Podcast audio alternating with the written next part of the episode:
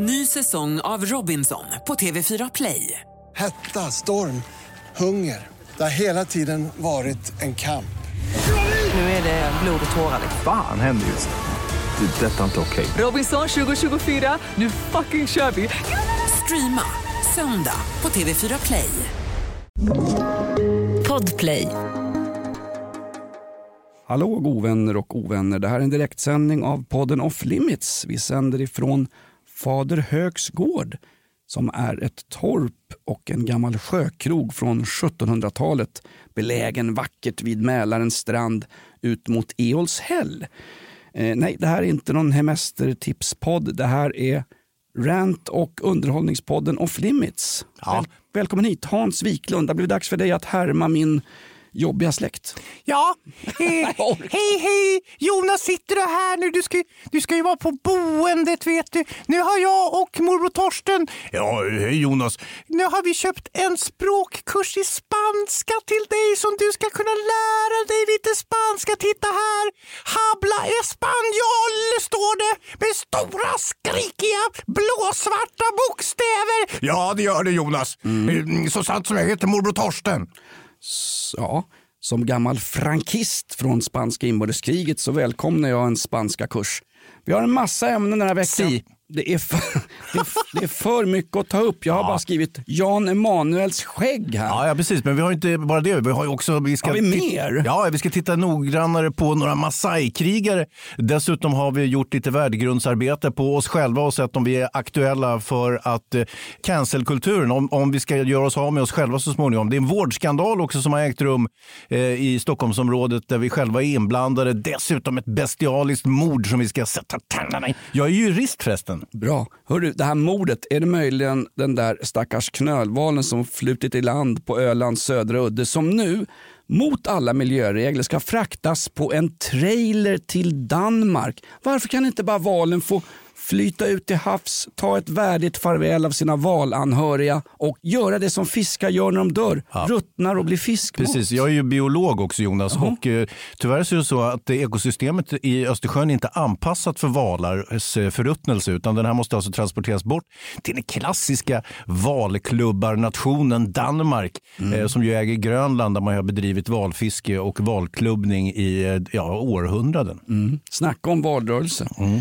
Eh, Okej, då får vi helt enkelt... Men vad, alltså, vad sa du att det var inte, är inte Östersjön anpassat för? Nej. Nej, jag tror inte Östersjön är anpassat för människans rovdrift. Herregud. Varenda polack på semester ska ju både pissa och skita i Östersjön. Där har du problemet. För att inte tala om Ignalinas, kärnkraftverket i Estland, som, Ja, ja. som, eller Litauen eller möjligen var det Lettland. Jag kan inte ens hålla reda på om de spelar hockey under nationen. Nej.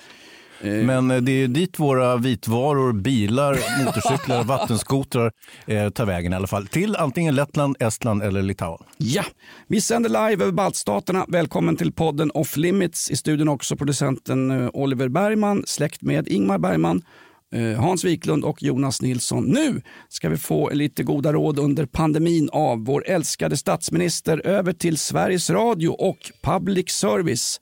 Varsågod, Stefan Löfven. Ja, hej. Jag heter Stefan och är statsminister och hobbykommunikatör. Jag vill bara säga att det egentligen inte finns någon svensk strategi eller bevis för någon koppling mellan den obefintliga svenska strategin och inte heller några som helst effekter av den svenska icke-strategin, vare sig positiva eller negativa. Kloka ord från våran premiärminister Löfven. Ja, Då kör vi. Det här är podden Off Limits. Jag säger som Olle Söltoft. Nu kör vi för helvete.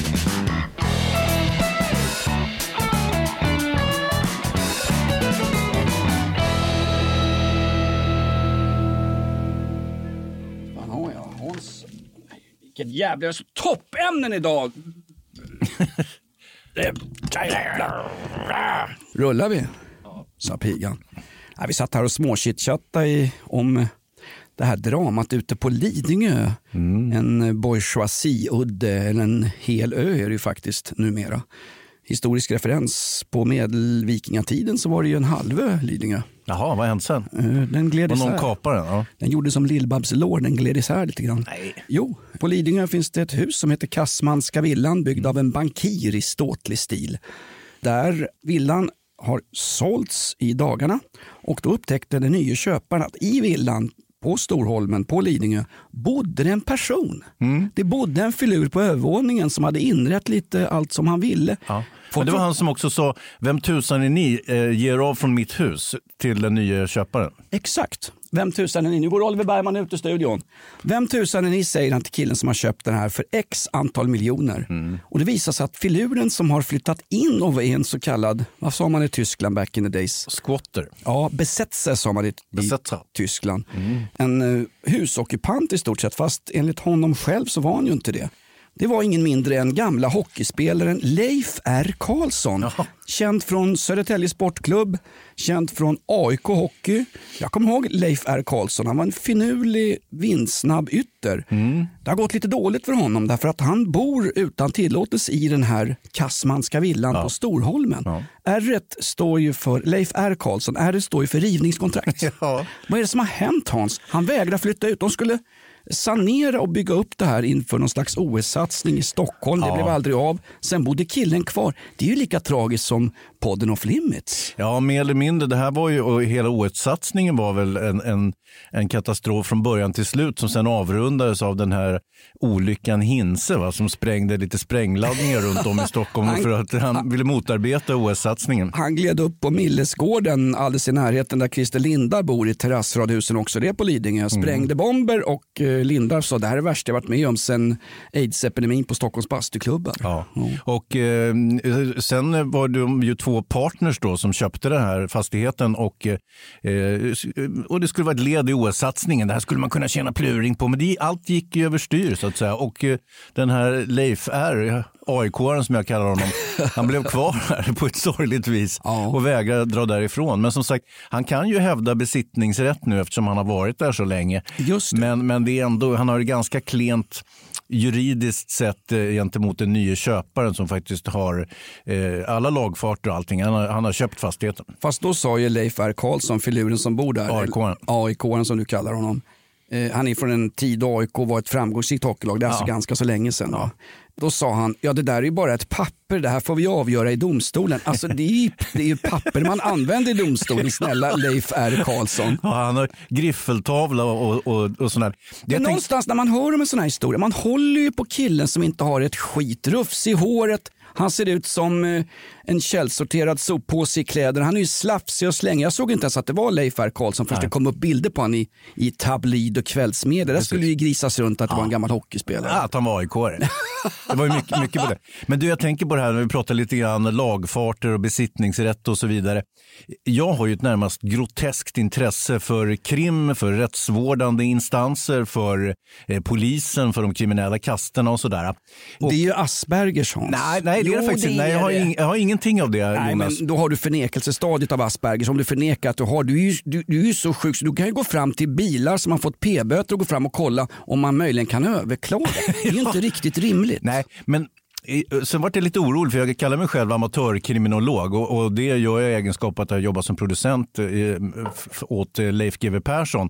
Både på Veckans brott och Brottsjournalen innan jag så småningom fick sparken och Leif hamnade i karantän. Men Geif, eh, GW Persson. Ge-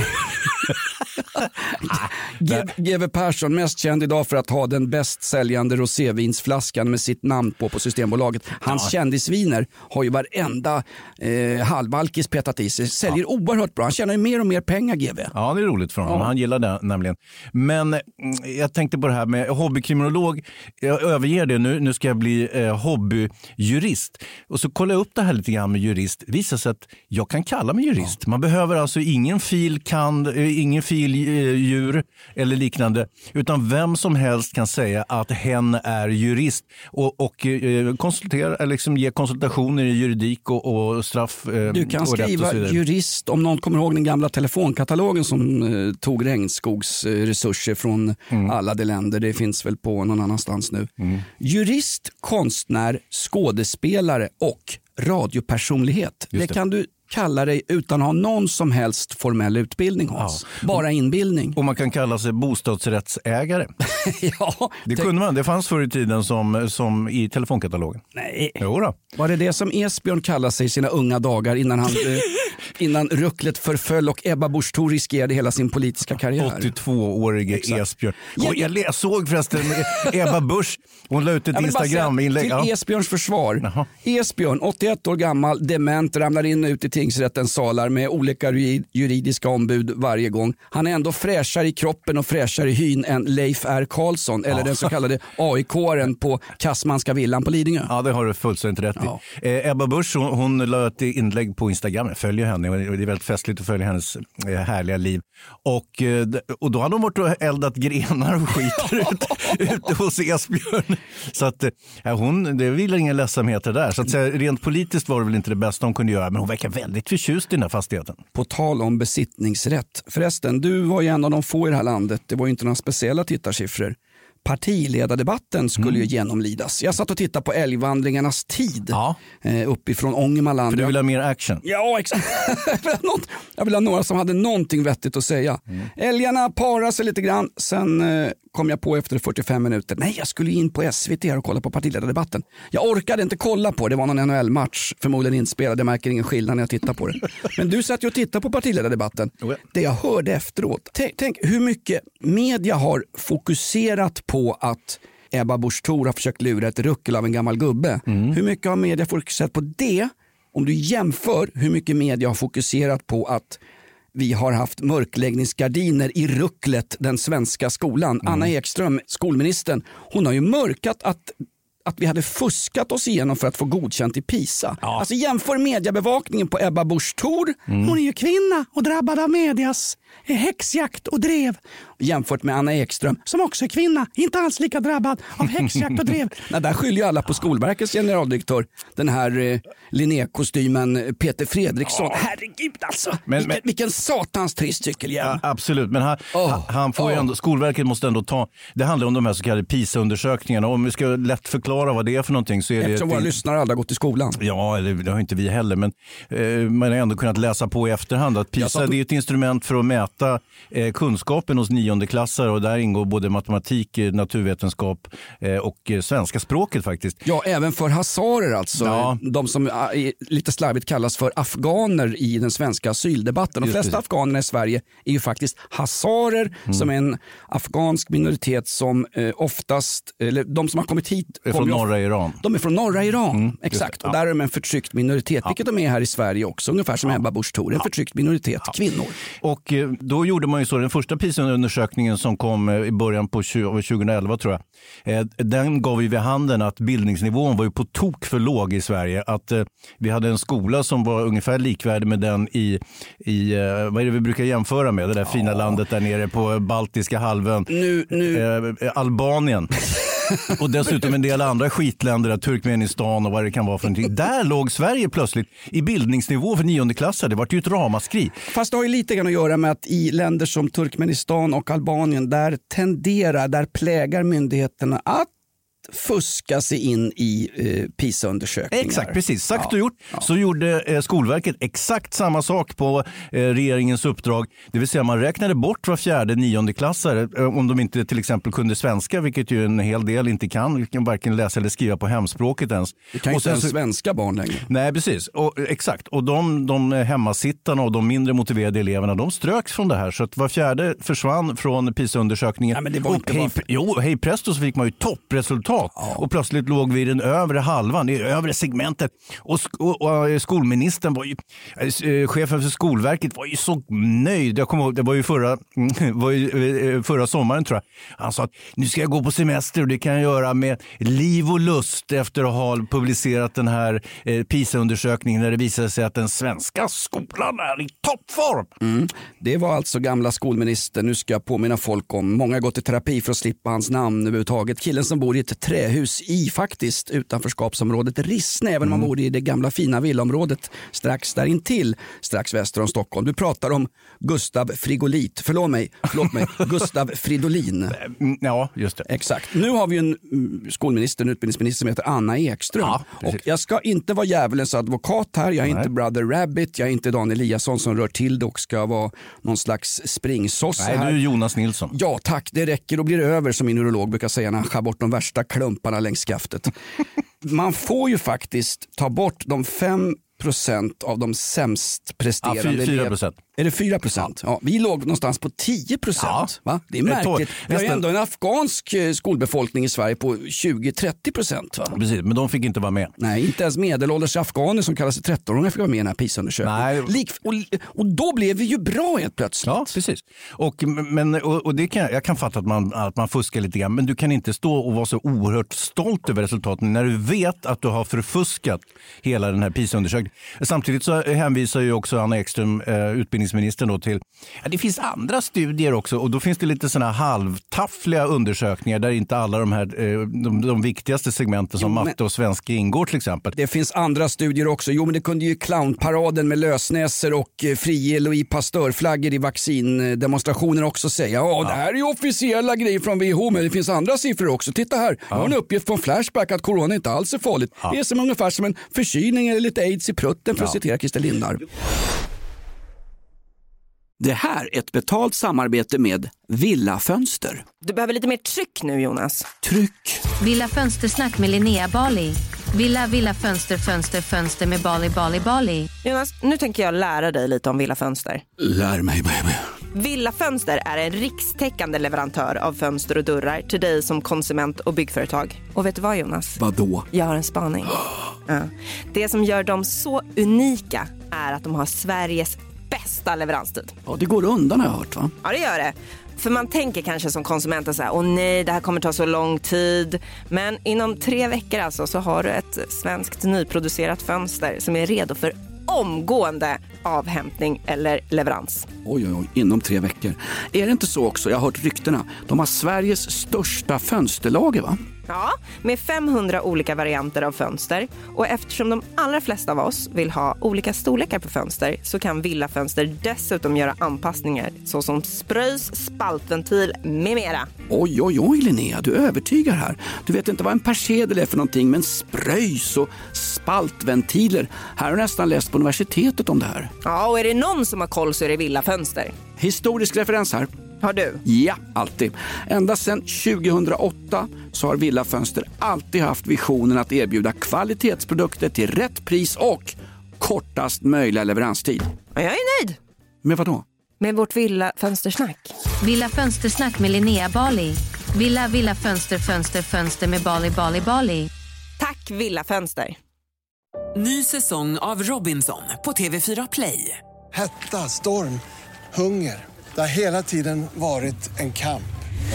Nu är det blod och tårar. Fan händer just det. Det är detta inte okej. Robinson 2024, nu fucking kör vi! Streama söndag på TV4 Play. Ett poddtips från Podplay. I fallen jag aldrig glömmer djupdyker Hasse Aro i arbetet bakom några av Sveriges mest uppseendeväckande brottsutredningar. Går vi in med hemlig telefonavlyssning och, och då upplever vi att vi får en total förändring av hans beteende. Vad är det som händer nu? Vem är det som läcker? Och så säger han att jag är kriminell, jag har varit kriminell i hela mitt liv men att mörda ett barn, där går min gräns. Nya säsongen av Fallen jag aldrig glömmer på Podplay.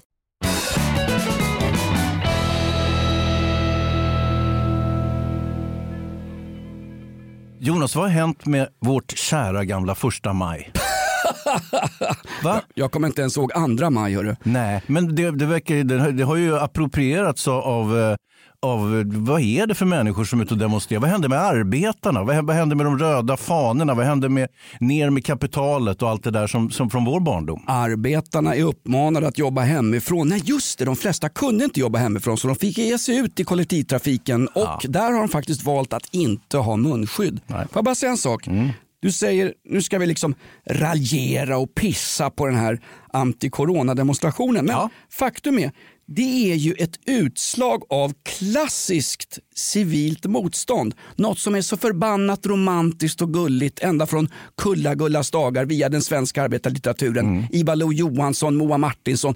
Utan civilt motstånd, då hade ju inte ens eh, herrarna haft rösträtt i det här landet. Och faktum är, Staten säger en sak, det är en coronapandemi, vi stänger ner med restriktioner en del av, del av samhället en grupp på 200 personer, snurrpellar och lite så här hemglasshjärnor och allt, allt möjligt, tycker det här stämmer inte, vi går i en demonstration emot det här. Och plötsligt så är det ungefär som att, kan inte, enligt då Hans Wiklund och andra skattebetalare, vad är det för idioter? Kan de inte rida ner dem där som Harald Palm och Hult hade gjort med sablar på det glada eh, polisväsendets tid? Jag ty- någonstans, de har ju, alltså mötesfriheten, det är en central en central rättighet i det här förbannade folkhemmet. Men när de här snurrpellarna stack ut, alldeles oavsett vad de tycker, åsiktsfriheten måste gälla. Varför blev de mer avskydda än till exempel Black Lives Matter? Eller de här snurr... Nej, jag avskydde dem också. Faktiskt, och det, och det hade inte med färgen att göra. Men, men jo, men det, att jag håller med dig i det här. För att eh, Löfven och de andra säger ju att så här, eh, de här inskränkningarna får vi nu lära oss att leva med. Det, här, det kommer inte bli som förr. Och det, vad han menar då, det är de här inskränkningarna, yttrandefriheten och eh, eh, mötesfriheten och så vidare. Att det aldrig ska komma tillbaka. Då är, vi ju, alltså, då är ju Kina ett eh, eh, betydligt bättre demokratiskt bemedlande än vad vi är. Mm. För att citera Thomas Mann, nobelpristagare i litteratur som fick fly undan nazistsvinen. Eh, aufpassen bitte. Aufpassen bitte. Han varnade, han varnade tidigt för att när staten, auktoriteten i ett samhälle börjar göra inskränkningar så är det lätt att de inskränkningarna kanske ligger kvar. Jag säger inte att det var bra gjort att gå ut mitt i en pandemi och demonstrera och stå och snörvla på varandra och grisa ner och sen tjoa med polisen. Men polisen gjorde rätt. De avvaktade. Förra gången red de ju ner dem. Herregud. Ja, men det är inget fel med det. Jag Vänta nu. Ja, fan, min, fol, min foliehatt håller på att glida ner i ögonen. här. Ser ingenting Jonas. Stackars hästar behöva umgås med den typen av människor med de, den typen av åsikter. Nej, här ute på Stallarholmen på Lidingö där sitter jag och Leif R Karlsson helt utan besittningsrätt och tar en, en chablis. Eh, faktum är, det var ju civilt motstånd också uppe i i Tänk, börjar prata om Ådalen 31 nu. Nej, jag tänkte faktiskt på eh, potatiskravallerna Stockholm 1911. Mm. Men historiska referenser ska ju, det ska ju också pissas på i den här urinoaren du kallar off limits. Jo, men du ser ju att om du tittar på innehållsförteckningen för den här podden, det står ingenting om historia. Innehållsbeteckning. Ja, det är sant. Du, det, jag försökte komma till det här förut. Jag är ju väldigt krimintresserad. Eh, och det kallas ju lite slarvigt för krim. Då. Det, eh, och nu när jag är jurist, jag får kalla mig jurist, så, eh, så har jag då förkovrat mitt ärende som, alltså, till och med jag varit en smula illamående av läsningen av förundersökningen. Handlar om att Dan Eliasson har en generaldirektörslön utan att göra ett skit på 150 000 per månad. Det kunde ha varit det, men det är inte det. inte Utan, det? Nej, det här, handl- det här är betydligt allvarligare faktiskt. Det här handlar om den här mannen i 40-årsåldern som försvann spårlöst i Karlskoga skärgård. Är det han, just det, ja. Ja, han vet. hittades sedermera eh, i småbitar ute på en öde ö. Två ynglingar då i 20-årsåldern som har levt i någon form av kärleksrelation är häktade och har nu åtalats för mord och brott mot griftefriden. Det här har varit stort i tabloidpressen. Ja, jag läser tabloidpressen, jag läser även Daniel Nyléns eh, jättebebis Stoppa pressarna. Det här är ju, det var ju människor, just det här, det här är ju saftigt Hans. Det här var för några veckor sedan. Ja, precis. Jag, jag, nu har jag bläddrat lite grann i förundersökningen. Den är ganska riklig och eh, det var det värsta jag läst. Alltså, på total misär. Alltså, den här typen av överlagda mord i nära relation brukar vara ganska grisiga och deppiga och sorgesamma. Men det här tar ändå någon sorts pris. Den ena gärningspersonen han är alltså offrets adoptivson från Rumänien och den andra grabben eh, tycks ha blivit kvinna. Eh, de har levt Men form- stopp, stopp, stopp, vadå? Tycks ha blivit kvinna. Ja, han, är, han identifierar sig som kvinna. De Har han, alltså- har han ätit mediciner som Ja. jag gör för att få större tuttar? Just eh, Och de har levt ett väldigt trassligt eh, hbtqi plus relation då i offrets lägenhet. Och när det här offret, mannen, kommer hem för att avhysa de unga tu, då sätter de sig till motvärn och så drar de en skiftnyckel i skallen på honom. Skär upp honom i småbitar inne på badrummet och sen så tar de hans båt ut i Karlskrona skärgård och gräver ner honom på en öde sen avrundar de den här väldigt lyckade dagen med att gå på fin restaurang och äta pasta. Oj. Ja, visst förstår du. Och eh, enligt servitören, jag har ju läst det här. Säg inte att det blir värre. Säg inte att det är Paolo Robertos pasta. Att det liksom ska bli ännu värre när det redan är för jävligt. Ja. Var inte den här killen som var mordoffret var väl borta i flera månader? Missing people Precis. gick skallgång. Jajamän. Tills, tills eh, de... Det enda de hittade var en stor strandad knölval på Öland, Missing people. exakt. Men det var ju, alla likhundarna for ju dit. Men, men, Visst, visst var han borta länge han var killen? borta länge och man, eh, till slut så började de ju lätta på förlåten de här två eh, männen eller den ena, ja, vad de nu är för någonting. Och eh, så småningom så kunde polisen också via sina likhundar då hitta mannen nedgrävd där. Eh, enligt servitören då där det här eh, såta sällskapet var och avrundade den här toppdagen med, eh, efter mordet. Kan du tänka vad de sa ute på någon kobbe? Du, ja, där var det klart. Hörru, lägg undan sågen. Vad gör vi nu då? Nej, jag är sugen på lite pasta. Ja, ska vi inte gå på den där? Och så hade de läst i, i Karlskrona-Posten kanske att eh, den här restaurangen var mycket uppskattad. Och då var de där och käkade. Och enligt servitören som nu kommer att, Nej, men det är ju för hemskt. kommer att användas av åklagaren så var eh, sällskapet mycket uppsluppna. Det är ju inte trevligt. Tänk att ha liksom eh, mördat och styckat sin adoptivfar och sen sitter och, och liksom glassar på, på fin restaurang efteråt och har trevligt till råga på allt. Det är ju faktiskt inte korrekt. Var det inte som lök på laxen också för att det här skulle bli som någon slags avsnitt ur någon, ja, någon, någon hemsk film? Eller Paradise Hotel eller vilken realityserie som helst. Är det så illa? Är Ja. det Paradise Hotel illa? Oh, fy satan. Nej, för att var inte också en av gärningsmännen Förlåt mig, en av de misstänkta gärningsmännen, Mm. eh, var inte han också, den, alltså den rumänske adoptivsonen, Mm. var inte han kortväxt då? Eller, eller som man sa förr, eh, sju kortväxta? Ja, jo, det, det vet jag inte om det har så mycket med saken Nej, att men göra. det är en person som kanske har ganska, haft ganska mycket motvind i livet. Han är ganska tufft emot. Det är ändå ett fysiologiskt handikapp. Ja, ja. För, för att citera uh, farmen Kristina. Ja, precis. Nej, men han har ju flera handikapp. Han är ju förståndshandikappad verkar det som också. Eh, eller funktionsvarierad då kanske man säger. Eh, det borde ju rimligen bli livstidsfängelse då, men samtidigt så kan det ju bli en viss åldersrabatt för de är ju knappt över 20 de här två eh, männen. Han är väl knappt över 1,20. Nej, precis. Och då kan man ju tänka sig att, att för en kortväxte så kan det ju möjligtvis bli, bli psykvård. Ett kortare straff. det är inte kul Jonas. Nej. Eh, psyk, psykvård med särskild eh, utskrivningsprövning. Då kan man sitta resten av livet. Ja, det kan han göra. Men samtidigt så är det ju inte korrekt om han nu är förståndshandikappad och inte liksom förstår vad som är riktigt och vad som är sant.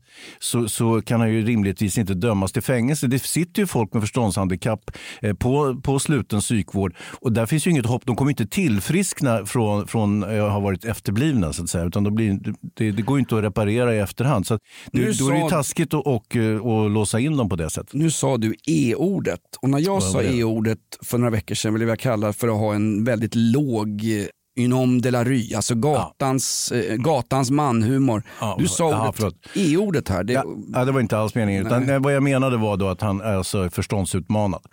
Och så frågan är väl om han kan döma. Den andra pojkvännen. Är de tidigare straffade det här? Nej. Det här, det här glada kalanka gänget Nej, det verkar inte vara så. Utan de har varit ganska laglydiga hittills. Och eh, den andra pojkvännen då som, ja, som har blivit kvinna. Han kommer möjligtvis få sitta på Hinseberg då, eller Ystad som är lite högre säkerhetsklass eh, kvinnofängelse. Vad är det för fel på gamla fina Färingsö? Där har jag en flickvän som har suttit för, eh, jag vill inte gå in på vad hon satt för, men hon var ju självklart oskyldig. Ja, som, Färingsöanstalten är Ja. väl för tjejer? Ja, precis. Men som din privata jurist så kan jag meddela att den har inte samma säkerhetsklass eh, som Ystad och eh, Hinseberg. Eh, det måste vara lite tuffare tag om man sitter för mord. Stämmer mycket bra det därför att kan jag säga Jeanette, hon satt för ett vad hon kallade för tillgreppsbrott. Ja, vad, fan, vad fan har du snott sa min farsa. Ja. Och det vill hon inte gå in på. Nej. Nej.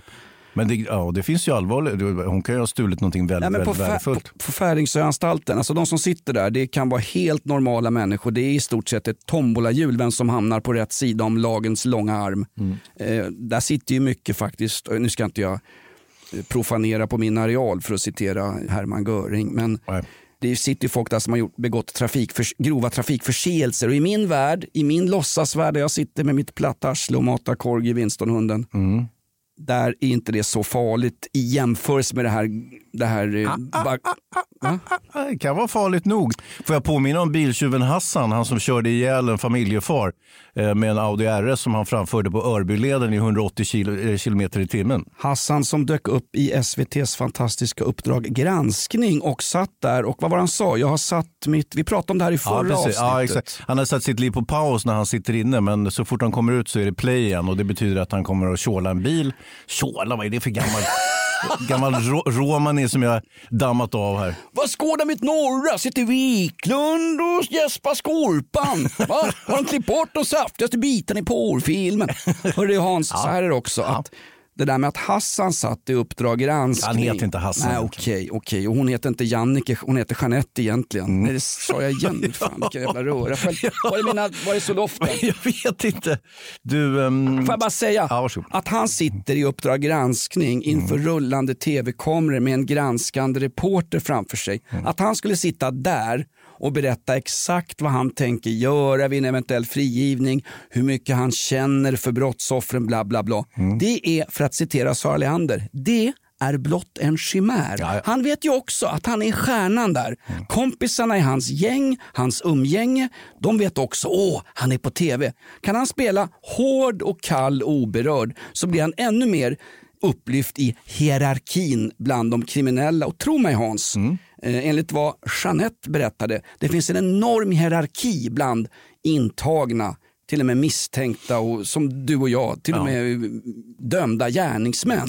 Det är viktigt att framstå som oberörd. Det är väl Clark Olofssons hela liv går väl ut på att, att verka oberörd. "Ja, Jag skulle där ner och hälsa på grabben i Belgien, man hade någon unge där nere i Antwerpen. Passera Danmark, enda jag gjorde där, kliva ur bilen, pissa på Danmark och körde vidare. Jo. Och plocka upp 300 kilo amfetamin. Berätta om din ångest Clark. Gör en podd Clark och berätta om den fruktansvärda... Som du och jag gör. Ja, Har vi pratat om vår ångest? Ja, Nej, vi har pratat om Leif R Karlsson ute på Kassmanska släpp honom. villan. Jag kan inte släppa honom. Han var ju AIK sa du. det är Vi är bröder tills brödet tar slut. Ivar Lo Johansson. Det där bror hit och dit, det tror jag inte ett skit på. Hör du, på tal om bror hit och dit, en som verkligen har fallit framåt och tycker jag börjar ta för sig, det är en person som vi har avhandlat tidigare i den här podden. Allt som vi har avhandlat i den här podden har vi avhandlat tidigare i den här podden. Ja, det är sant. Vem kan det vara? Nyamko Sabuni. Ja. Mm. Hon kastar sig framåt i partiledardebatten. Jag har naturligtvis inte sett skiten, men jag kan väl sitta här ungefär som Steffo Törnqvist gör i TV4. Jag kan väl recensera saker jag inte ens har sett Ja, eller det kan du upplevt. göra. Dessutom har jag sett den och jag har ju återberättat det detaljrikt vad Nyamko sa.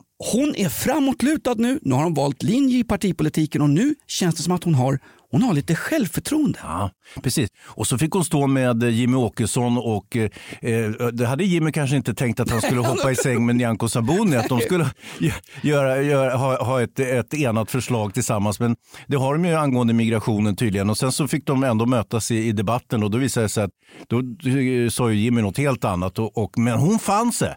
Hon fann sig. Eh, Jimmy Nyamko. sa väl inte något helt annat, men han, han har sett han har väl sagt tidigare att... Mindre dåligt än eh, regeringens förslag. Exakt, och att, att Liberalerna är en, faktiskt håller på att bli en historisk parentes i svensk inrikespolitisk historia. Ja. Sen får ju Per Westberg och de här snurrpellarna, vad heter han, den här Per Svensson, Mm. han som sitter i en helt egen verklighet och pratar om att människor som flyr har rätt, asylrätten ska överstiga, vad, vad pratar han om? Asylrätten gick ju över smittskyddet. Mm. När det var stängda gränser på grund av pandemin så kunde man fortfarande komma in och, och, och, och eh, ansöka om asyl. Här. absolut. Det känns ju helt bisarrt om de jagar folk med clownnäsor på Odenplan under en antivaccindemonstration ett år senare.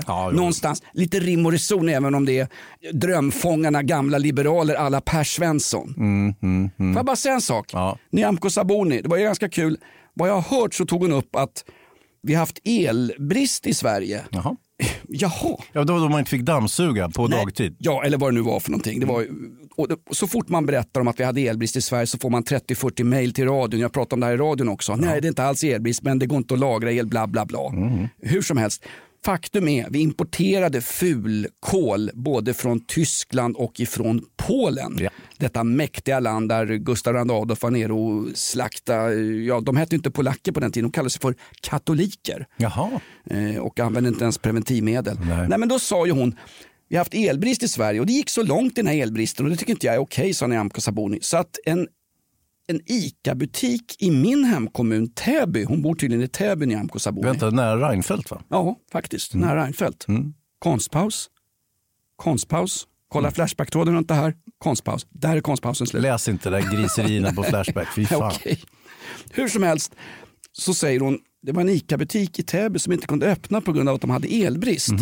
Och eh, ja, det där bara flöt på under själva eh, hennes eh, anförande under partiledardebatten. Och sen säger hon, jag växte upp i Burundi och där var det också så att eh, ibland när man skulle tända en lampa hemma när jag var liten så kom det ingen elström. Ibland när man vred om kranen hemma i köket i Burundi så kom det inget vatten. Och nu är det alltså på samma sätt i Täby. Och då, då satt det något kommunalråd, såg du honom? Andersson. Vart han förbannad? Kommun, kommunstyrelsens ordförande i Täby sitter i någon trygg stor sån här 60 miljoners villa och kan allt om hur vanligt enkelt folk har det. Han satt framför tvn och fick upp popcornen, betäckte sin spanska hushållerska, frugan jobbade nämligen över den här kvällen och så tänkte han, nej men nu jävlar, står en liberal i sosse-tv, det vill säga SVT och jämför Täby kommun med eh, Burundi. Sida-projektet Burundi. Nu, får det vara, nu får det vara någon ordning på torpet. Såg du inte honom? Han har uttalat sig i varenda media. Han heter Andersson och han pratar precis som moderater gör. Han har sagt att jäm, han har inte sagt det här med jämför med Burundi, men alltså ICA-butiken som inte kunde öppna i Täby i höstas, det hade ingenting att göra med den, den lägre takt av införsel av el som Täby kommun åtnjöt hösten 2020. När de Det var stängt på grund av rån. Var, var, det, var det det det var? Ja, det är klart. Var det därför? Nej, det får vi ju inte säga heller för guds Nej, skull. nej. Enligt eh, gängse statistik så rånas ingen i det här landet. Nej, inte ens gamla gubbar rånas på sina soldattorp vid vattnet av Ebba Busch. Också hon faktiskt framåtlutad. Hon har inget att förlora. Hon har, som Champ 69 sångare Jimmy Purse en gång sa, hon har the back against the wall. Ebba Busch Thor faller fritt tack vare husaffären. Mm. Hon måste gå till attack i partiledardebatter och jag tyckte hon gjorde det bra faktiskt. Mm. Även om svetsministern, han är som Tyson Fury, han följer med slaget. Ingen kommer ju åt honom. Nej, det går inte. Han sitter går åt helvete. Då är det alltid en myndighets fel eller möjligen som nu i veckan skolminister Anna Ekströms fel. Käbbel, käbbel. Du, jag tänkte på det här med våra, eh, våra äldre, våra äldre och äldre äldre. Eh, jag var ute och promenerade på stan och så plötsligt Det kom ska du inte göra. Jo, men nu gjorde jag det i alla fall. Och jag, hade ingen, burk. mung- jag hade ingen Nej, jag slängde burkar. och sen så eh, promenerade jag på stan kommer fram en, en eh, dam i ja, 80-årsåldern kanske. Och eh, jaha, god dag, god dag. Var ligger... Och så frågade hon efter en gatuadress. Och jag, jag kände igen tanten, jag har sett henne förut. Hon bor ju i krokarna så hon vet ju mycket väl var den där gatan ligger. Det är ju Vasastan, det är ju ett ganska känt område då, eh, där jag bor i Stockholm. Och eh, efter ett tag så förstår jag att hon, hon kan vägen, hon är inte intresserad av det. Hon ville inleda en diskussion och snart så, ja jag har fått mina två sprutor nu så att ja, bla bla bla. Så hon pratade och pratade och det var så trevligt och så kom det ytterligare en tant och började la sig i samtalet om ingenting särskilt. Det var typ lägre kvalitet på det samtalet än den här podden skulle jag vilja säga. Nej, är ju fan omöjligt. Jag vet, men nu, nu var det det. Och, och, det, och men det, det var mycket mindre ondskefullt än podden. Det var mycket mer liksom välmenande och trevligt. Jag skulle i och med detta Jonas försöka föra in det här, det här nya liksom humanismen, det här trevliga samkvämet även i våran podd där vi sitter och skäller och utgjuter oss eh, till höger och vänster, Jag- mest till vänster. Jag skäller inte, jag klarlägger bara min position. Ja. Jag har aldrig skällt på någon, jag klarlägger min position. Ja, men förstår du hur ensamma de här människorna ja, det- har varit under ett års tid? Suttit inspärrade. De har alltså, det var de som byggde det här landet upplysningsvis. Ja. Eh, och nu har de suttit inspärrade för de är vana att göra som de blir tillsagda. Nu sitter du hemma, håll käften, sluta käbbla, sitt still. Hörru, Har- bor- du Gislaved då ska du förbanne inte ha läsk till maten. Nej. Äldre äldre behöver inte dricka läsk till maten, det ska vi förbjuda. Lisavedes kommun. Precis så. Och nu har de plötsligt fått komma ut och, och andas igen och träffa folk och de är väldigt sällskapssjuka givetvis. Så om ni nu, ni som lyssnar här, om ni, om ni ser någon äldre person Inled ett litet samtal om ni, om ni är trygg förvissning om att de har fått eh, sina vaccinsprutor. Eh, och, och snicksnacka lite grann om väder och vind och kanske även podden Off Limit som den kommer på tal. Den är jättestor, just målgruppen eh, för detta isolerade gamlingar. Ja. Hans, får jag fråga dig, vad tänker du och hur agerar du som medmänniska och som en slags visionär för hur vi ska bygga Jurist menar du? Hur tänker du som jurist när du möter en sån här person? Tar du dig tid att stanna upp en stund? Tänk efter. Den här kvinnan behöver prata. Kanske inte så viktigt om vad hon pratar om, utan mer kanske att hon pratar. Nej, men jag är ju alltid i världen. Jag är ju närmast arbetslös här efter coronapandemin. Så att jag, jag har ju hur mycket tid som helst. Jag lever någon sorts liv som förtidspensionerad. Ja, det gör ju du också Jonas. Ja, absolut. Förtids. Jag hade ju den förmånen att få livs... Eller är vi folkpensionärer? Nej, precis. det är avskaffat. Vad är det? Vad fan händer med dem? Hälften har dött i covid och övriga hälften bor i Madeira och dricker likör klockan nio på förmiddagen. Ja, det vill jag jag också. tillhör det lyckligt lottade släktet som har hamnat in i någon slags, eh, ja, jag försöker åtminstone åtnjuta de mycket väl tilltagna försörjningssystemen som finns i det här landet. Mm. Jag är likt en Masai-krigare som tar mig in där. Jag försöker numera få liggsår klassat som arbetsskada. Hur har det gått med det? Det har gått åt helvete. Men du, de här två Masai-killarna som är med i den här tv-serien Älskar, älskar inte. Har, är inte de jäkla mäktiga lirare? Kort resumé för alla som fortfarande kollar på tablå-tv. Det är på kanal 5. Det är en dejtingsåpa som heter Älskar, älskar inte. Det handlar om svenska rika människor. Mm. Ja, rika och rika. Ja, men vänta nu. Jämfört med de människor som de utsätter Jo, för de kommer ju från u-länder. Jo, men jämfört med de människor som de utsätter för sin förbannade torftiga kärlek, så kallade kärlek, Mm. så kan jag säga att de är rika. Den här tjejen som bor i en hyresrätt i Nyköping Mm. har suttit och rökt gula Blend under köksfläkten i många herrans år. Hon som har träffat just det du nyss kom in på, denna Masai-yngling från Tanzania. Vilken, jag har ju följt den här såpan, jag följer tablå-tv, så gammal är jag. Han är ju en fantastisk person. Bra kille. Vad, vad fan har han här att göra? Ja. Han är ju lyckligare hemma i Tanzania där människor ler mot varandra. Ja. Han tyckte Sverige är ett märkligt land. Alla går runt och är sura hela tiden. Ja, speciellt hans kärring. Va? Vad är det för något? Ja, men, och sen var det roligt också när de träffade ett annat par med en annan, eh, en annan tant som hade en Masai hemma också. Ja. Och så kunde de utbyta lite erfarenheter och hur, hur ska man bete sig i Sverige och så vidare. Och Hon sa ju det. Krångligt med språket. Jag tänkte köpa, ändra så köper jag en robotdammsugare eller också skaffar jag mig en riktig Masai. Hon skaffar ju en Masai och han trivs ju här också. Mm. Han har till och med fått ett, ett, ett, ett enklare arbete han kan utföra. Vadå? Ja. Han är ju lokalvårdare. Jaha. Den äldre damen s- Ja, ja, ja, ser inte programmet. Jo, jo, jo, jo, men jag visste inte att han hade... Ja, ja. Ja, men jag, jag såg bara när de badade bastu och åt marshmallows. Det var ju roligt nog. Ja, exakt. Du, eh, jag förstår, när jag såg bastubadet, nu var det pixlat, men jag förstår varför Masai-krigare är uppskattade bland damer. Herregud, det var ju som en det var ju som granatgeväret Carl Gustav han hängde ut. Alltså. Oj, oj, oj. Nej, men Masai-vandringarnas tid heter det här alltså programmet. Och se, det här kan man ju se på tv. Mm. Ja, kan man, jag tror det finns på Play också på Och Discovery. någonstans, jag tror att de här killarna som kommer hit från Tanzania får en helt annan kultur och med helt andra värderingar kan uppskatta ett tag att få bo här. Men sen, det kan ju inte vara kul. Komma från värmen, från mänsklig gemenskap. Hans by, det var ju fest varje kväll runt elden. Komma till Nyköping. Har du varit i Nyköping Ja. en vardagskväll när Harrys har stängt? Det är, inte, det är inte så förbannat underhållande. Då är det roligare att sitta och snacka med Leif R Karlsson på Kassmanska villan. Ja, möjligen. Men ehm, ja, ja, ja, vi hoppas att det slutar lyckligt. Jag menar, eh, vad vad var det han, eh, kronprinsessans kille, eh, Daniel, vad sa han för något? Störst av allt är kärleken, inte sant? Störst av allt är det som hänger mellan benen på en Masai. ja, men det är ju lite grann så Ja, men det är ju faktiskt. konstig fixering du har vid det manliga könet, Jonas. Man skulle kunna tro att du var bög. Jag har, jag har ju... Där fick du. Ja, okej. Får jag... ja, men, Ja, nej, jag sko- ja. få hit mina byxor då. Det är inget Ja. problem. Ja, jag du för- får, vi jag seglar förs- under regnbågsflagg här Jonas. Alla är välkomna. Handhjärta och hela, hela balletten. Jag är som kungen han blev påkommen när han låg på någon badstrand eh, vilt dragandes i riksäpplet där det kom en barnfamilj och ville avslöja honom. Ja, Inte kom med sina foppatofflor och trekvartsjeans. Ny säsong av Robinson på TV4 Play. Hetta, storm, hunger. Det har hela tiden varit en kamp. Nu är det blod och tårar. Fan händer just nu. Det. är Detta är inte okej. Robinson 2024, nu fucking kör vi! Streama söndag på TV4 Play. Ett poddtips från Podplay. I fallen jag aldrig glömmer djupdyker Hasse Aro i arbetet bakom några av Sveriges mest uppseendeväckande brottsutredningar. Går vi in med hemlig telefonavlyssning och, och då upplever vi att vi får en total förändring av hans beteende. Vad är det som händer nu? Vem är det som läcker? Och så säger han att jag är kriminell, jag har varit kriminell i hela mitt liv men att mörda ett barn, där går min gräns. Nya säsongen av Fallen jag aldrig glömmer på Podplay.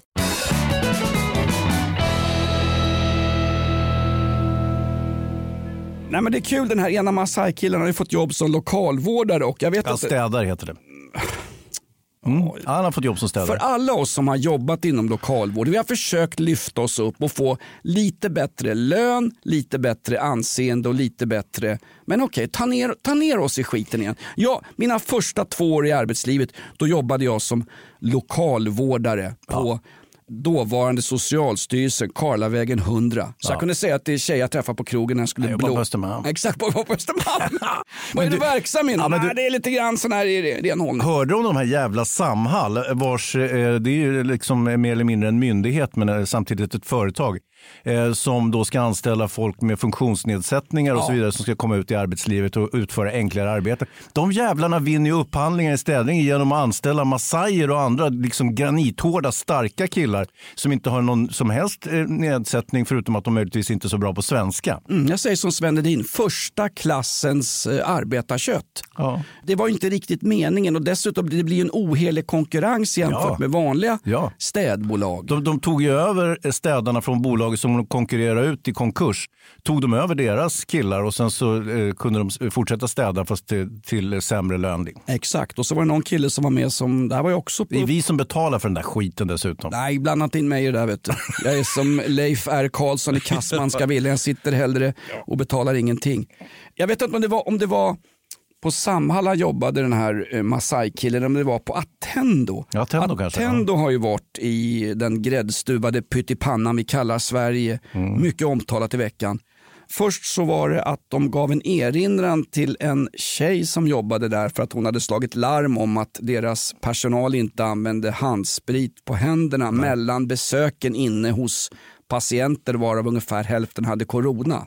Då fick hon en erinran om, och dessutom med tillägget, alla behöver ju inte jobba på Attendo. Hon är ju visselblåsare som du och jag Hans. Sitter och avslöjar det här förbannade skurksamhället. Ja, det är sant. Sen var det ju Attendo också.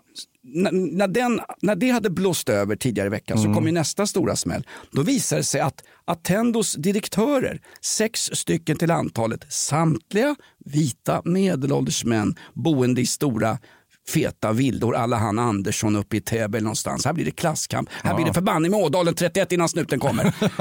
De hade fått 4,8 miljoner i bonus. Fair enough, jag köper det. Men i höstas så fick vårdbolaget Attendo 120 miljoner kronor i coronastöd för att kunna ha medel, likvida medel att köpa in diverse säkerhetsprodukter, personlig säkerhetsutrustning, munskydd, eh, kondomer utan hål i, städhandskar och eh, tvättsvabbar. Det, det, det, visselblåsningen gällde ju att den här sjuksköterskan hon ansåg att man inte hade eh, fullföljt det som man hade lovat sina patienter och vårdtagare. Det vill säga att man skulle ha separat vård av coronasjuka och så vidare. Det som man med ett fint ord kallar för Kohortvård. Kohort alltså, här kommer en historisk referens. Googlar här. Vad är en kohort? Och en uppdelade enheter i den stridande romerska armén. Vi kan ta... Vi kan ta Backa kohorten! en kohort var 50 man framåt, 50 man. En kvadratmeter på Just det. 50 gånger 50 man. Eh, för på den tiden... Och ni som har läst Asterix, ju- Obelix, ni vet exakt, vad vi pratar Det är om. ju så förbannat reaktionärt så att i den romerska armén ingick ingen, det var inget genuscertifierat krig man utkämpade när man försökte förslava germaner och annat löst folk som sprang runt med skägg längre än, vad heter han med skägget? Vad Eh, heter han? Nero. Nej, eh, Nero var, Beppe nå- Wolgers? Ne- Nero var något mer civiliserad. Nej, han heter eh, han, Robinson, killen som har tjänat massor. Alltså, Jan Emanuel. Jan Emanuel, Ja, ja, ja. exakt. Men det är långa, han har ju ett romerskt soldatskägg. Ja, han ser bra ut den här jäkeln. Saftig som tusan också. Det är inte bara saft och kakor han käkar. med betoningen på kakor. Nej men han är ju, han är ju inte, bara, det är ju inte bara ett skägg, det är ju någon slags, det är ett ekologiskt system. Det där skägget går inte att hålla, bort, det går inte att hålla smådjur borta från ett sånt där skägg. Alltså. Nej, nej. Men eh, vi, ska inte, vi ska inte mobbas för skägget. Jag mobbar inte Jag honom. har ju träffat Jan Emanuel. Det, är det verkar vara en bra kille. Han får ju mycket hat i sociala medier och olika ger sig på honom och säger att han har eh, snyltat på välfärden och att han är någon sorts smygnazist fast han säger att han är sosse och så vidare. Snyltat på välfärden har väl varenda käft i det här landet. Rovdjurssamhället har ju skapats. Från Mm. solidaritet som vi hade på 20, 30, 40-talen, historisk referens, till mordet på Olof Palme, bang, över till ett rovdjurs och ett roffarsamhälle.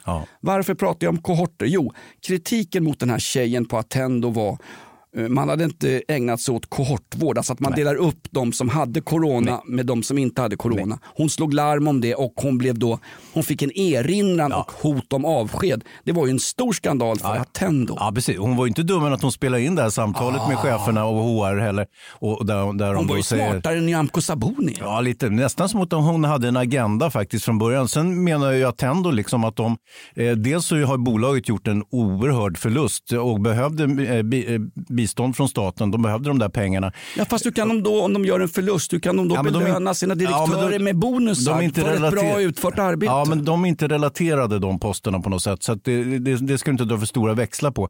Dessutom är det ingen som har lyckats med någon form av kohortvård. En, en, nu var ju de dumma nog att på, på något vis garantera det. Samtidigt så har Attendo fler sjuksköterskor och, och, och utbildad personal eh, anställda än till exempel vilken kommunal instans som helst. Mm, Okej.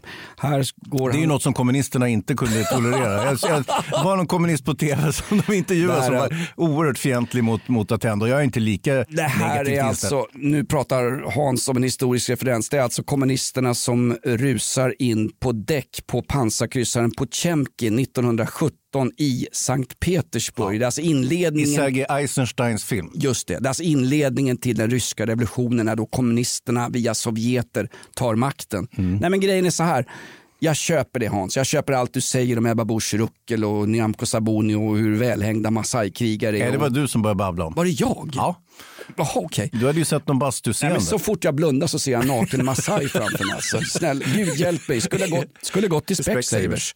Eh, Sponsrar de oss? Specsavers, det är ju de som tar hand om den där valen. Vet för valspäck, det kan du utvinna som energi. Det var ju en knölval som gled i land på Ölands södra udde. Mm. Vilken myndighet ringer man när valar flyter land döda? Eh, man ringer uppenbarligen polisen. Nej, Valmyndigheten Ja, kallas det för. Polisen vill inte ta i skiten först. Vi har fullt sjå med att spela innebandy och käka muffins. Vi orkar inte ens ta hand om ortens kriminella. Nej, Vi? Vadå, är du polis nu? Nej, jag tar... Jag är förvisso jurist, men du är fan ingen polis, det kan jag säga. Det där var ett rakt citat för att citera Lars von Trier. Han skriver ju raka citat i sin eh, filmkonst. Nu är jag lite utanför min box när jag pratar filmkonst med Nils Petting Sundgrens barnbarn här, Hans Wiklund. Nej men, eh, du sa, jag, jag köper Attendo. Mm. De delar ut bonus, eh, av, bonuspengar, Ja. 4,8 miljoner till sina direktörer. Mm. Och, och hösten innan har de fått 120 miljoner av oss vanliga sketna skattebetalare, inklusive Masai-krigare, lokalvårdare på Samhall och mig som Mm. jobbar tuffa tre timmar per dag med radio tjosan tjosan. Jag vill bara säga, då får väl då får väl Magdalena Andersson och staten eller någon myndighet skriva ett avtal. Hej, här får ni 120 miljoner spänn. Gör vad ni vill för pengarna, se till att er verksamhet fortsätter att eh, florera, men se då till att ingen behöver bli varslad. Här får ni pengar. Det var ju inte någon som hade gått från Attendo som jag fattar det. Nej. Nej. Det var hon som klagade och... Jo men okej, folk slutar på jobb, Mm, fråga mig. sånt ja. händer. Ja exakt. Folk slut, slutar till och med frivilligt på jobb, det sa en gammal postdirektör. Ja, det har inte hänt oss hittills. Nej, men, nej, jag vet. ja. Nej, men då får de skriva ett av, i avtalet skriva att här får ni pandemipengar Mm. men ni får förbanne mig inte dela ut någon, några bonusmiljoner efteråt. Volvo gjorde ju samma sak.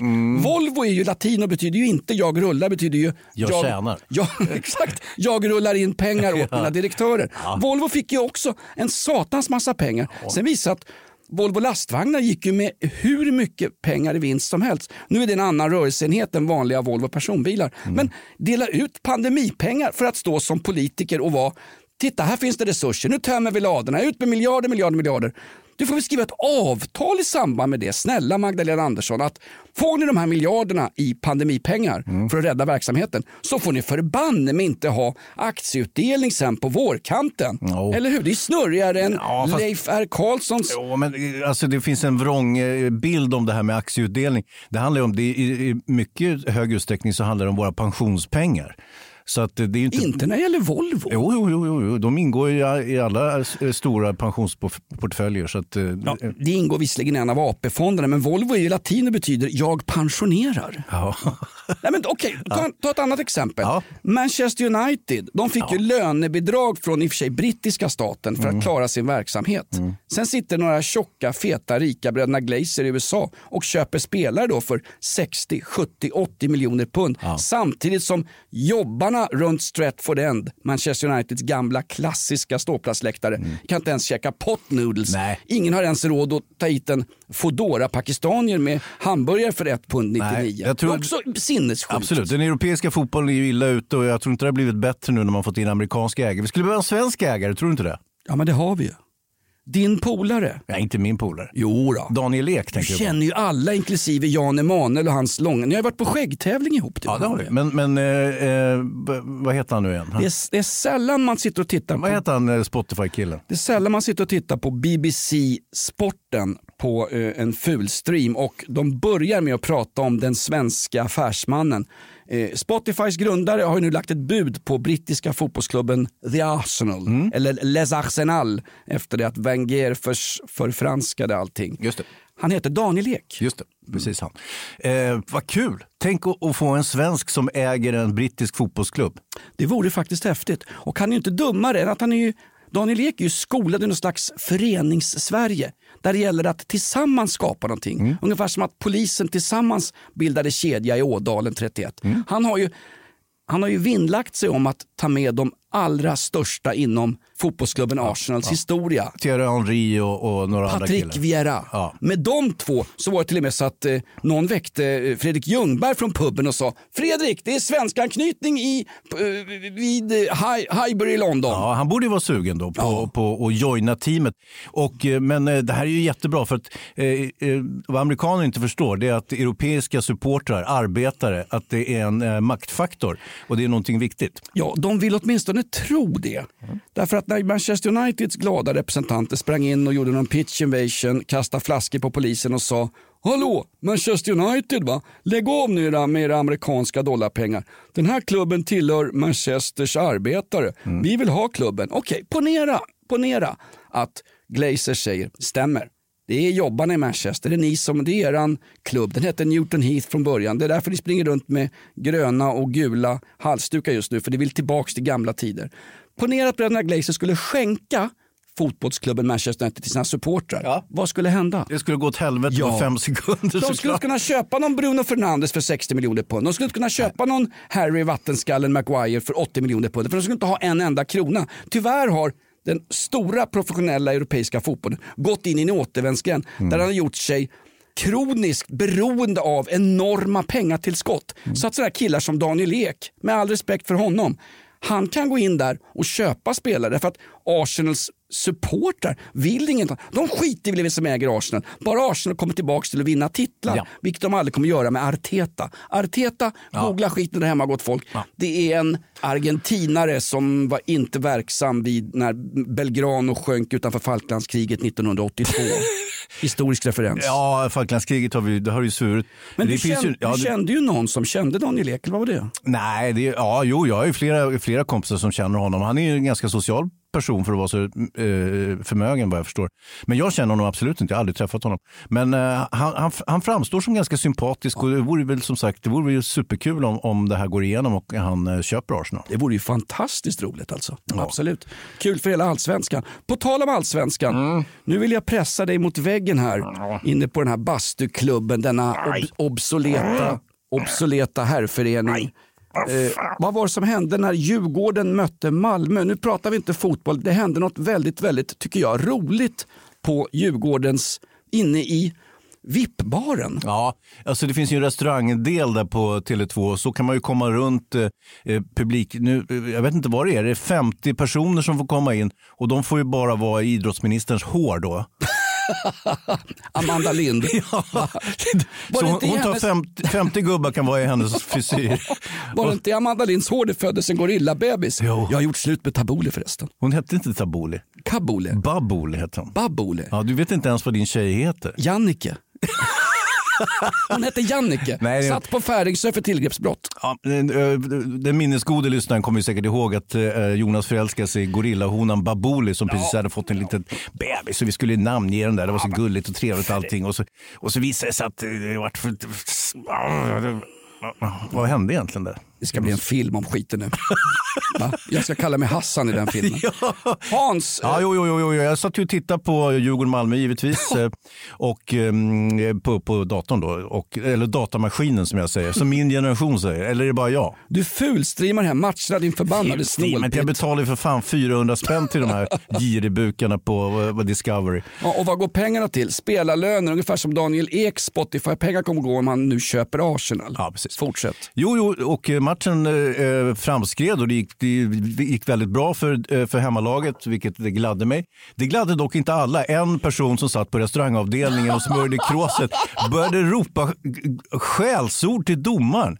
Alltså, eh, och ni vet hur det är när det är en tom arena. Det räcker med att du höjer rösten lite grann så ekar den där skiten ut över hela arenan. Så alla hör vad han säger, inklusive domaren själv och eh, vaktpersonal och andra som då avvisar den här Djurgårdssupporten. Han, han får lämna arenan helt enkelt. Det, det är ju väldigt ovanligt. Det händer ju inte ens under derby när det är fullt slagsmål. Då får ju folk stanna kvar i alla fall. Nej, exakt. Eh, det roliga var ju att han förmodligen hade klätt upp sig, fått någon sån här VIP-plats via någon sponsor, sitta Ja. i restaurangen och se sitt älskade Djurgården, Ulf Adelsohns favoritklubb, eh, spela en toppmatch mot då, eh, Krösusklubben nummer ett i svensk fotboll, Malmö FF. Mm. Och sen kan han inte uppföra sig och ändå, Djurgården vinner, men det är så mycket fotbollssupport i en så att hans känslor liksom spyr ur kroppen på honom och det, det börjar, börjar komma invektiv och... Ja. eh, Jag, jag har ju suttit, jag hade ju när jag hade eh, VIP-kort på hockeyn, då satt jag ju bakom Ulf Adelsson och hans eh, fru.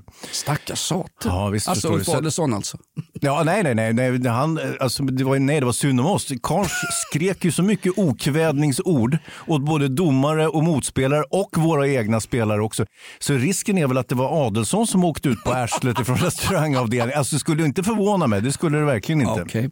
Ja, det, är väl, det var någon... Han är en kul kille, så det är inget ont i honom. Men han är jäkla eh, som gapig. Exakt. Ulf, absolut inget fel på Ulf, Adelsson. Eh, dock eh, kan väl klubbtillhörigheten ifrågasättas. Nej, nej, nej. Vi är djurgårdare. Nej, hans, inte hans fru Lena Adelsson Liljeroth? Hon är ju döv, så hon hör ju inte när han sitter och skriker. Okej, hon har blivit döv av Ulfs utfall alltså. Ja, jag tror det. Av hans invektiv. Eh, nej, men det är därför fotboll och sport finns. Därför att obegåvade människor ska ha någon form av känslostorm, Mm. lägga sina aggressioner på något annat än att försöka bygga upp ett nytt samhällssystem. Och dessutom, varför är fotboll så framgångsrik? Det sa ju gamla legendariska Liverpool-tränaren Bill Shankly. Fot, varför är fotboll framgångsrik? Jo, därför att varenda jävla idiot kan ha en uppfattning om den. Ja, precis. Till exempel vi två. Ja, och du hör alltså honom sitta och skrika det här under, när du sitter Ja, ja. streamat hemma. Ja, visst, visst. Men jag är inte säker på att det var Ulf Adelsson nu när jag Nej, tänker på det. Men, men det, det, det kunde ha varit. Det hade varit väldigt festligt om det hade varit honom. Exakt. Hade någon sagt till Ulf Adelsohn, du det är Olof Palme som dömer. Blivit galen. På tal om kända personer ur historiens kammare. Nu har han äntrat studion igen. Nej, inte Leif R. Karlsson, inte Masai-krigaren Lindskov som sitter och räknar pengar. Du förresten, Lindskov han kan köpa Attendo i stort sett. Ja. För pengarna han har i fickan. Så kan vi jobba där. Ja, exakt. Och visselblåsa. Det blir kul. Ja, från blåsjobb på Lindskov för att få mer pengar till Oliver Bergman, demonproducent. Eh, släkt på din mammas sida. Vi ska inte prata om din morsa. Nej, men det här med Ingmar.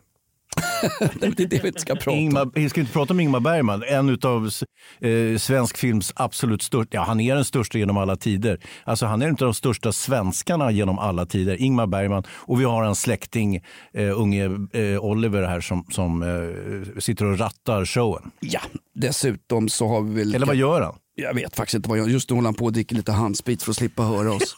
eh, grejen är väl att eh, Ingmar Bergman, eh, skulle Ingmar Bergman, du som kan film och filmvetenskap och har en akademisk utbildning i ämnet. Ja, jag är jurist också. skulle Ingmar Bergman klara en granskning av hashtag metoo? Nej, skulle någon göra det? Ja, jag skulle göra det. Va? På sanning. Jaha. På sanning. Okej. Nu sitter ju Oliver Bergmans mamma ute på Färing så vi kan inte höra henne i det här ärendet. Men Nej. Ja, Du har varit där då? Jag skulle all, vet du vad, jag skulle inte ens ansöka om älgvandringarnas tid i det här förbannade Paradise Hotel. Nu har de ju stekt varenda avsnitt. Nu fick de kalla hobbitfötter, det här förbannade produktionsbolaget. Vad heter det, pastisch. ja, de heter Mastiff, men eh, jag vet inte om man ska lägga skulden på dem eller om det möjligtvis är själva beställaren, kanalen som...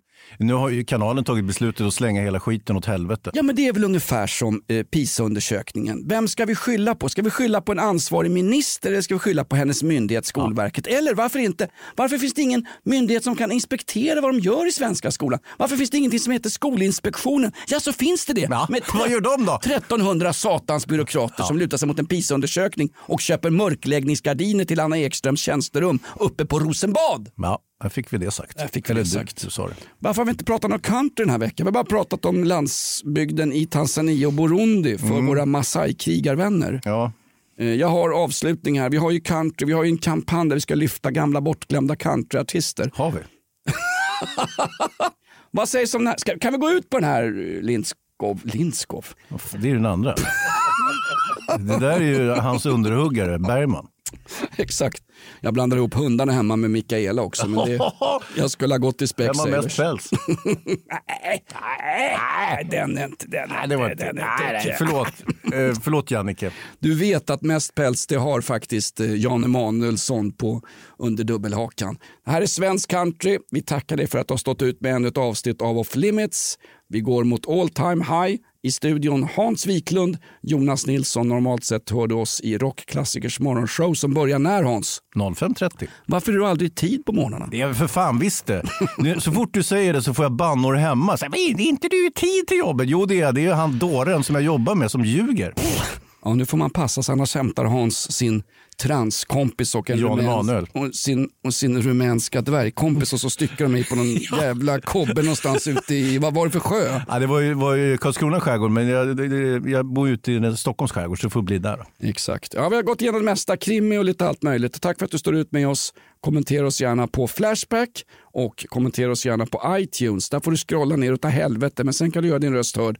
Vi har betyg 5 av 5 av 900 röstande på iTunes stora omröstning om vilket betyg den här podden ska få. Är det bra? Det är riktigt förbannat bra. Det är nästan lika bra som veckans countrylegend Kacka Israelsson. Cigaretter, whisky och vilda kvinnor. Det, Oj, oj, oj. mina vänner, ska ni akta er Tro mig, du behöver akta dig för obskyra poddar också. Tack för att du lyssnar på Flimmits Sprid-podden. Lindskov och hans företagskonglomerat försöker tysta oss igen. Ny säsong av Robinson på TV4 Play. Hetta, storm, hunger. Det har hela tiden varit en kamp. Nu är det blod och tårar. Fan händer just det. Det är detta inte okej. Robinson 2024, nu fucking kör vi! Streama söndag på TV4 Play.